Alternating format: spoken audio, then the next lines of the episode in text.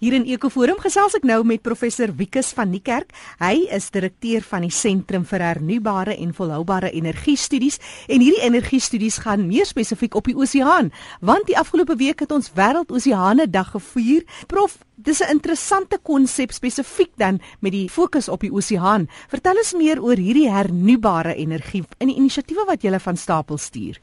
In die see is daar basies twee bronne van energie wat ons uit kan tap in die Suid-Afrikaanse konteks.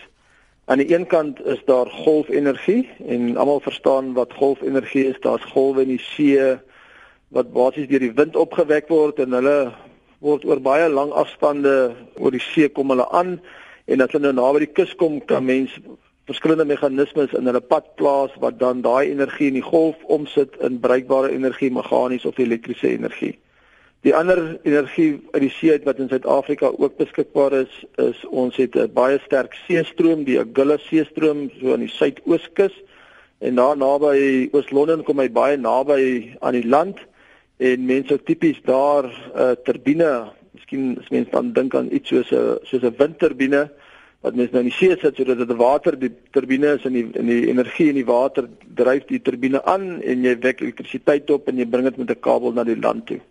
Daar's twee ander tipe energie wat mense in die see kry. Die een is waar jy gebruik maak van die temperatuurverskille. Ehm um, tussen die warm water wat bo is en die koue water wat onder is en jy kan 'n hittestelsel daarmee dryf wat mense energie mee kan onttrek.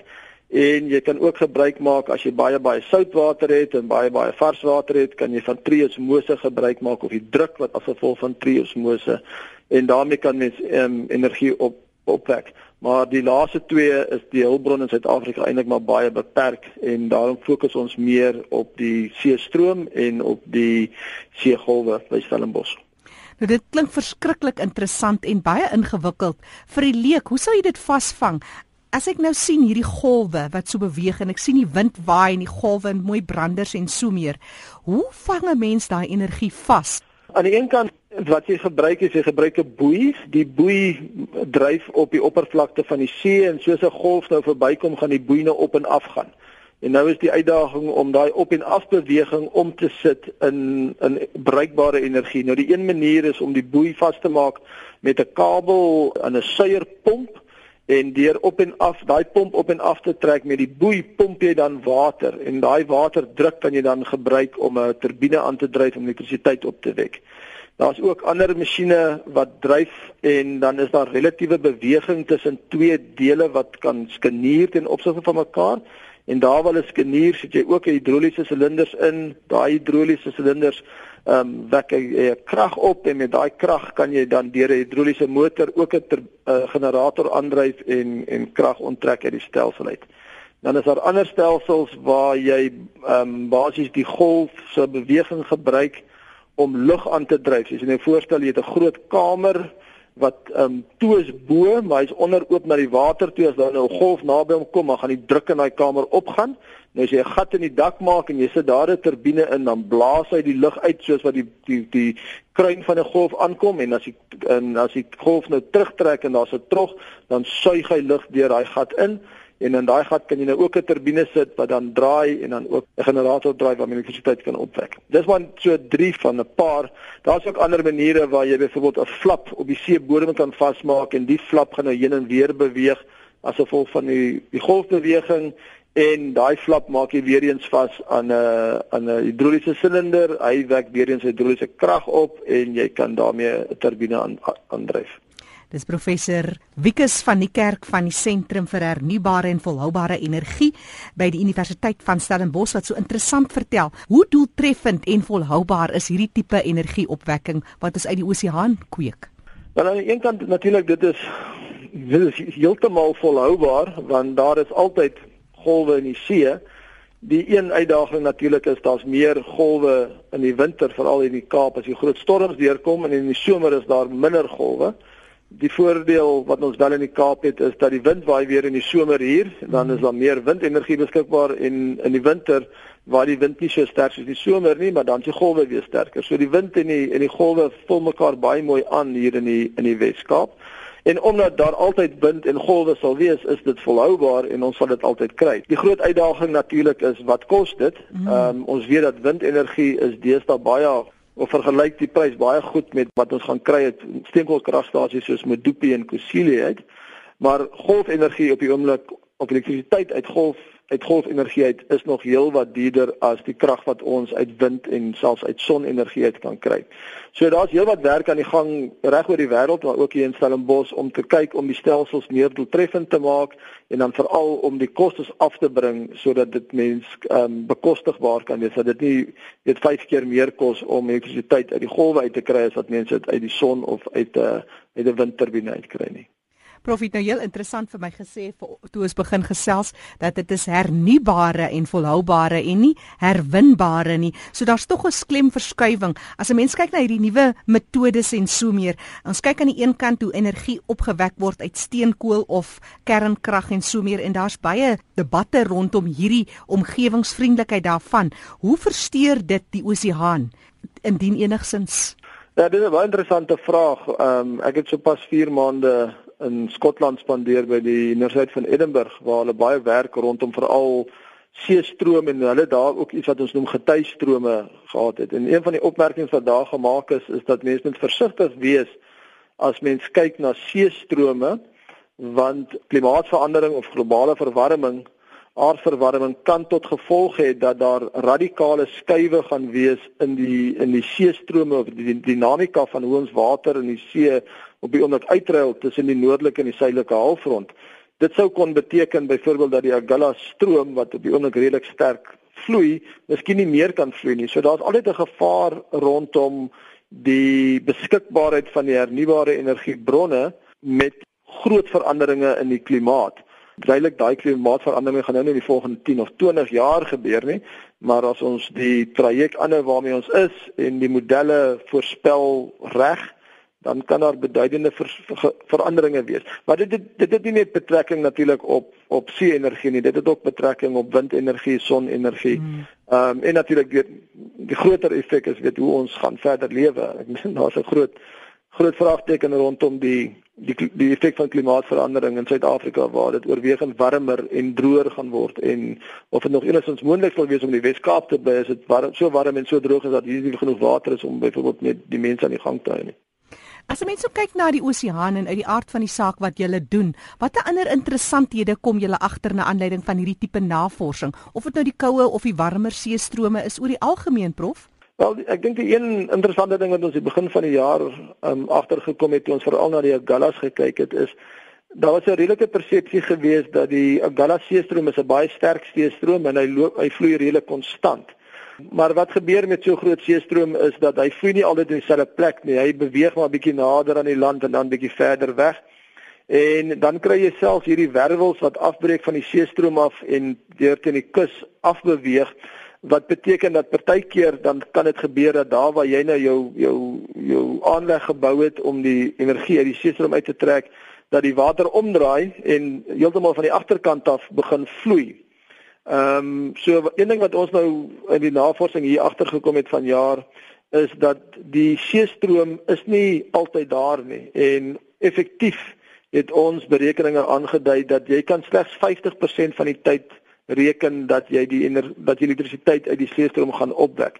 So uh, dit is 'n bietjie van 'n terugslag as mens ehm um, dink dat een van die groot redes hoekom Eskom baie belang gestel het in die seestroom was hulle het gekyk na hernubare energie maar veral na iets wat vir hulle 'n basis um, lading of wat hulle Engels sê 'n base load kan gee. Met ander woorde daai kragstasie is altyd daar as jy hom nodig het. Nou dit lyk of die realiteit gaan wees dat dit is nie regtig so nie.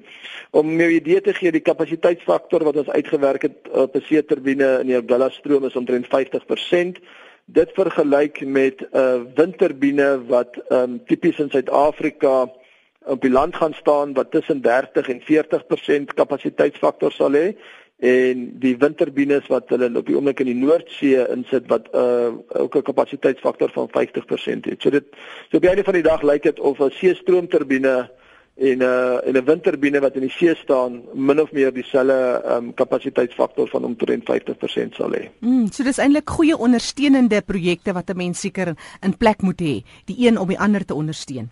Ja, on, ons praat gewoonlik van 'n simfonie van hernubare energie. Wat beteken dat as jy 'n orkes het, het jy nie net een instrument wat al die klanke maak nie. Nou by hernubare energie is dit dieselfde. Ons gaan nie net al ons energie net van die wind of net die son of net die see of net biomassa kry nie.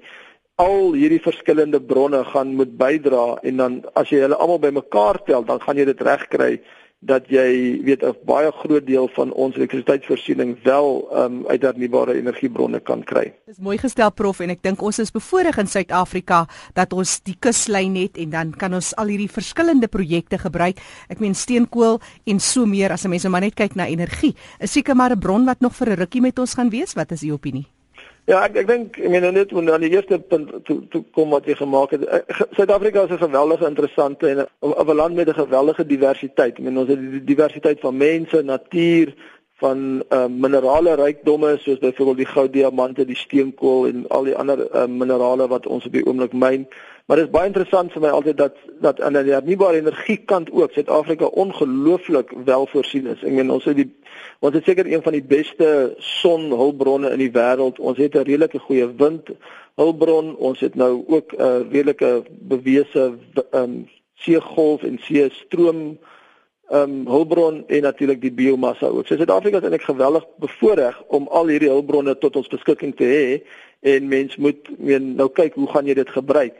Die punt oor steenkool of elektrisiteit van steenkool af, ja, ons gaan verseker nog um vir 'n baie lang tyd in Suid-Afrika 'n groot deel van die elektrisiteitsvoorsiening van steenkool af kry.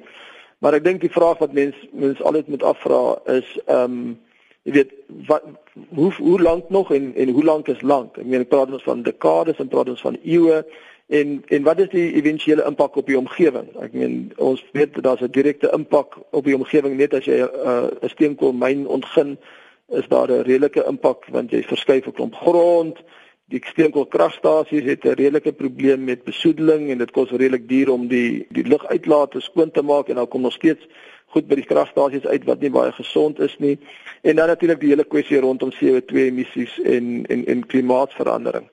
Ek dink die uitdaging wat ons almal het is aan die een kant om minder energie te gebruik en minder energie intensief te wees sodat ons minder elektrisiteit elektrisiteit hoef op te wek En ek dink die ander kant moet ons ook besef dat soos ons verder vorentoe gaan, gaan energie, nie net elektrisiteit nie, maar ook, jy weet, vloeibare brandstowwe se prys gaan toeneem en ons moet voorsiening maak daarvoor. En een manier om voorsiening te maak daarvoor is om oor te skakel na 'n hulpbron waar ons presies weet wat die energie ons gaan kos in die toekoms. En toe ek laas gekyk het, toe die son ons niks gekos nie en ek voorspel dat hy ons nooit 'n sent gaan vra vir sy energie nie. So aan die ander wyse een ding is ten minste vas, jy weet die prys van die van die energie.